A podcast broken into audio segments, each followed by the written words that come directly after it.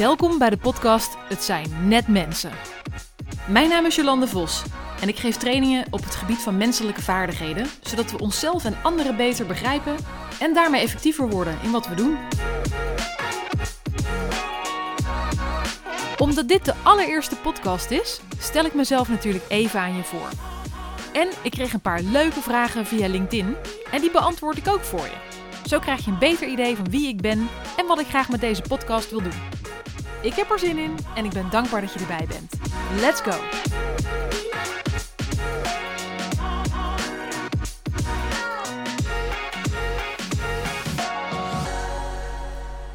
Hey, wat fijn dat je erbij bent bij de allereerste podcast. En ik wil meteen beginnen om iets op te biechten. En dat is namelijk dat ik het opnemen van deze podcast al zo ontzettend lang aan het uitstellen ben. Ik ben dat zo vaak aan het vooruitschuiven, omdat ik merk dat mijn perfectionisme om de hoek komt kijken. Dus ik dacht vandaag, fuck it, ik ga er gewoon voor zitten.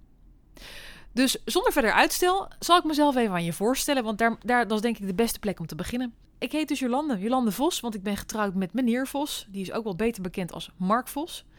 En uh, we wonen samen in het dorpje Prinsenbeek. En uh, Prinsenbeek is een klein dorpje nabij Breda. Dat is beter bekend of van de afslag Prinsenbeek als je er voorbij rijdt op weg naar Antwerpen. Of het is beter bekend van carnaval. Want uh, als er iets is wat Bekenaren heel goed kunnen, dan is het carnaval vieren en bier drinken.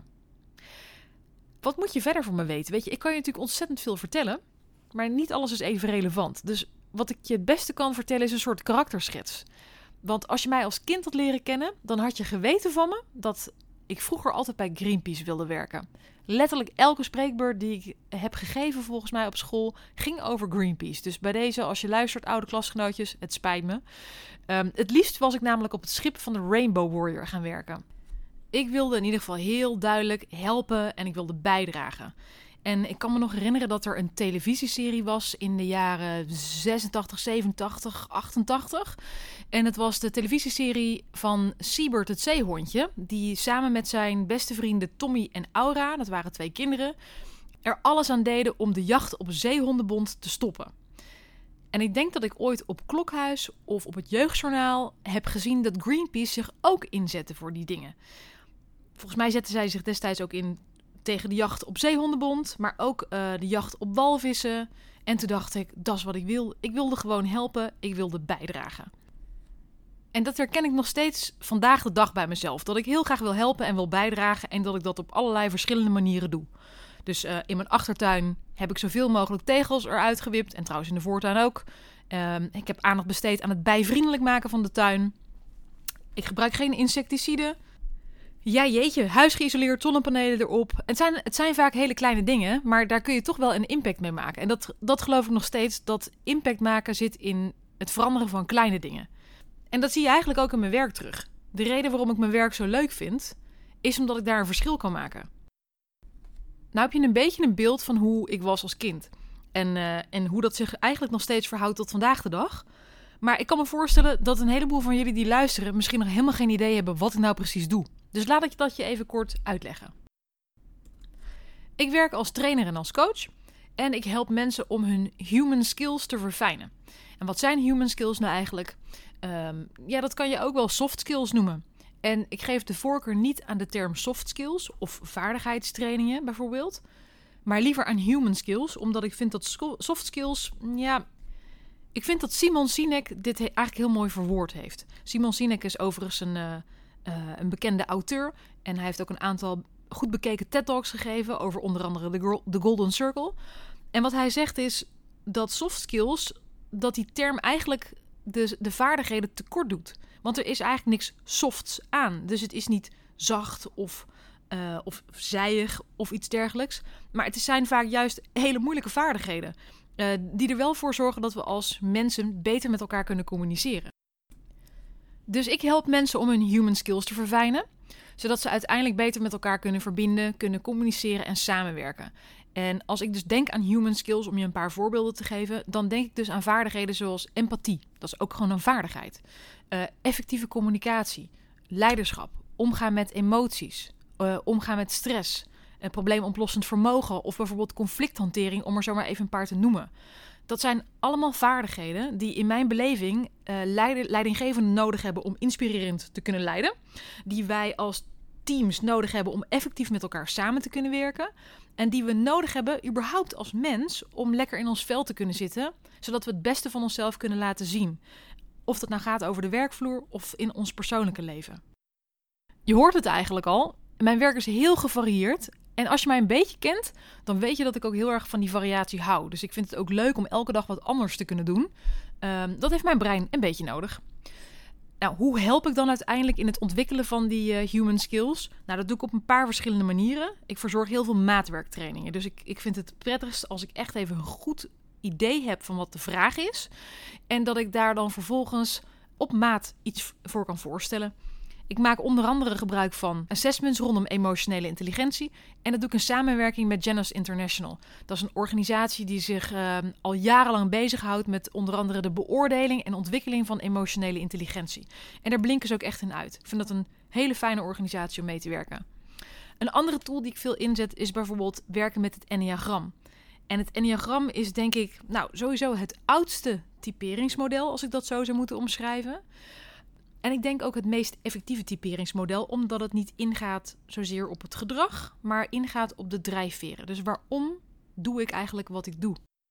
Het lijkt mij echt super leuk om jou wat meer te vertellen, ook in de toekomst in nieuwe podcasts, over bijvoorbeeld emotionele intelligentie en welke competenties daar bijvoorbeeld bij komen kijken en hoe je die kunt ontwikkelen. Maar het lijkt me ook heel erg leuk om je wat meer te vertellen over het Enneagram en welke negen persoonlijkheidstypes je daar bijvoorbeeld in kunt onderscheiden en wat hun kwaliteiten en talenten eigenlijk zijn, maar ook wat hun valkuilen zijn als ze niet lekker in hun vel zitten.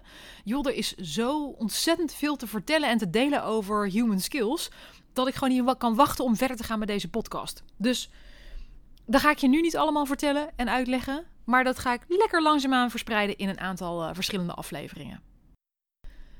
Jeetje man, ik kan jullie zo ontzettend veel vertellen nog over al die dingen die ik interessant vind rondom human skills. Maar dat ga ik niet doen in deze aflevering. Wat ik wel nog ga doen, is het volgende. Ik heb uh, via LinkedIn een post geplaatst om aan te kondigen dat ik voor het eerst een podcast ging opnemen. En ik worstelde een beetje met de vraag: ja, wat, wat kan ik mensen dan vertellen? Wat, hè, wat willen jullie dan over, me, over mij bijvoorbeeld weten? Dus ik licht er even een paar vragen uit en daar ga ik antwoord op geven, want het waren eigenlijk hele leuke, interessante vragen. Hier komt de eerste vraag. En de eerste vraag waar ik mee wil beginnen is de vraag van Mirjam. En die vroeg mij namelijk: welke wens komt hiermee voor jou in vervulling? Um, de wens die hiermee in vervulling komt, is dat ik een platform heb om alle ideeën die ik heb en alle kennis die ik heb, om die te kunnen delen.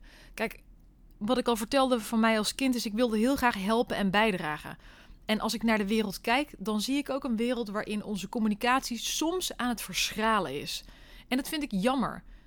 Dus ik merk dat we echt wel praktische vaardigheden kunnen oefenen en kunnen leren, waardoor we uiteindelijk gewoon echt beter met elkaar kunnen communiceren en het leven gewoon veel lekkerder loopt. Dus deze podcast biedt mij een platform om dat op een hele ontspannen manier in mijn pyjama, lekker vanuit huis of op kantoor als ik lekker in mijn eentje hier ben, maar ook gewoon op een hele ontspannen manier te doen, zonder dat ik in de camera zit te kijken naar hoe mijn haar zit, want daar ben ik dan veel meer mee bezig dan gewoon lekker tegen jou te praten. Dus die wens komt er echt mee in vervulling voor mij met deze podcast. Een andere vraag die me werd gesteld, die kwam van Vera. En dat vond ik ook een mooie. Die zet me wel aan het denken. En ik, ik heb de formulering nog niet bedacht. Dus ik ga mezelf even ontrafelen terwijl ik praat. Sorry alvast. Uh, maar was de vraag: wat bedoel je met verbinding en hoe ziet het eruit voor jou? Dus ik geloof dat als je human skills verder ontwikkelt. En iedereen heeft human skills. Dat je beter in staat bent om onder andere met andere mensen te verbinden. En ik denk dat soms de makkelijkste manier om verbinding te herkennen is de, de momenten waarop het er niet is. Dus je kan soms een gesprek voeren met iemand en dan voel je dat er geen verbinding is, omdat iemand ergens anders zit. Of dat je iets aan het vertellen bent en dat iemand. Hè, ik zat uh, afgelopen week bij een familiefeest. En dan vertel ik iets over een uh, lastige situatie, een training waar het gewoon even niet zo lekker liep. En waar ik het gevoel had dat de deelnemers afgehaakt waren of uh, vooral met elkaar in gesprek waren. En die persoon bedoelt het waarschijnlijk enorm goed en probeert verbinding op te zoeken door te gaan vertellen over wat hij of zij had meegemaakt in een vergelijkbare situatie. Dus eh, ik heb ook wel eens een keer zoiets gehad en dit is wat er toen gebeurde. Maar doordat er gebeuren eigenlijk een paar dingen. één, die persoon heeft eigenlijk een beetje het gesprek gekaapt. Want vervolgens ging het eigenlijk alleen maar over zijn of haar ervaringen daar rondom. Het tweede wat er gebeurde is, ik heb eigenlijk helemaal niet het gevoel dat je met me verbonden hebt. Je denkt dat je misschien met mij verbonden hebt, hè, dat we een soort connectie met elkaar hebben, omdat we samen een gesprek hebben. Maar als je, me niet, als je mij niet erkent of even doorvraagt of even iets samenvat wat ik heb verteld, of even hè, een, weerspiegeling geeft van wat ik je net heb verteld, van goh, dat lijkt me een lastige situatie, dan heb je eigenlijk niets gedaan met wat ik je verteld heb. En dat zijn de momenten waarop we de verbinding missen. Dus we kennen eigenlijk allemaal wel gesprekskapers. Nou, dan ontstaat er dus geen connectie. Kijk of ik nog een voorbeeld kan bedenken. Ik denk dat misschien de meest herkenbare is dat um, als je met je partner in gesprek bent en jullie hebben allebei een ander idee ergens bij of een ander belang ergens bij, dan kan het wel eens zo zijn dat je jezelf in één keer bevindt in een situatie van ja, een discussie. Waarbij de gemoederen soms hoog oplopen en je eigenlijk aan het einde van het gesprek eigenlijk verder uit elkaar bent komen te staan. Het wordt een discussie, het wordt een ruzie. Je gaat toch een beetje wrijven met elkaar. En je komt niet nader tot elkaar. En je herkent waarschijnlijk als je nadenkt over dat soort situaties... dat je het gevoel had dat iemand je niet had gehoord. En wat zo lastig is, is dat we allemaal de primaire behoefte hebben om begrepen te worden. Maar dat het soms van ons vraagt dat we de ander ook eerst even begrijpen. En daar heb je vaardigheden voor om ervoor te zorgen dat je een ander kunt begrijpen. Nou, dus dat kun je bijvoorbeeld doen door heel even de belangen van die ander samen te vatten. Of het standpunt of de visie van die persoon even samen te vatten in je eigen woorden.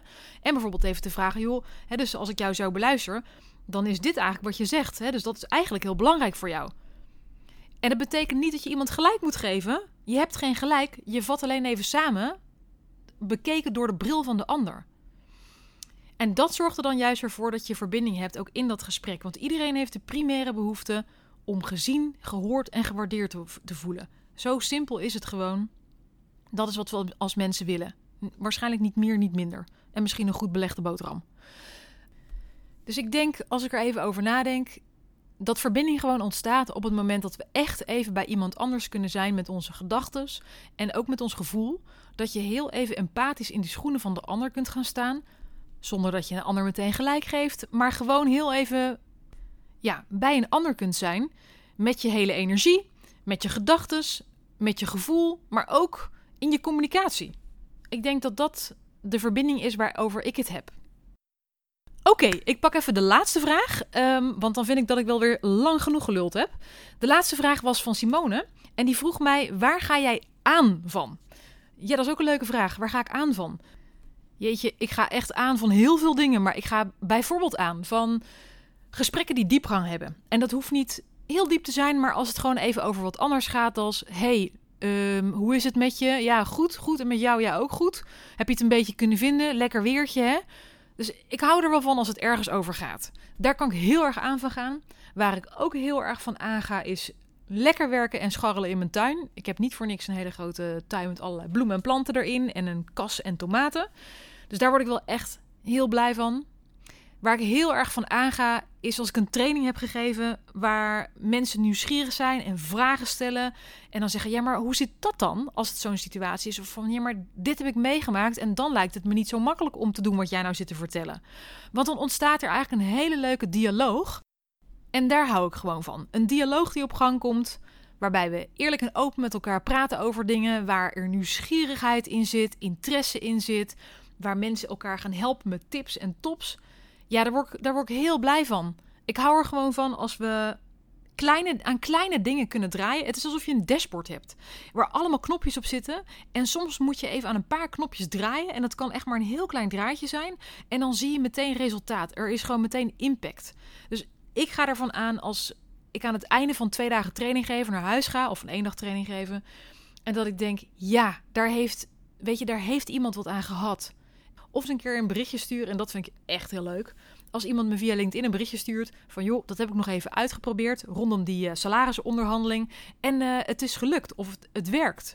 Of dit heb ik even uitgeprobeerd met die leidinggevende waar ik steeds meer aan het wrijven was. En uh, dat gaat veel beter nu. Ja, daar word ik echt mega blij van. Blijer kun je me niet maken. Nou ja, misschien met een donut met wat lekker glazuur erop. Daar kan je me ook wel echt heel blij mee maken.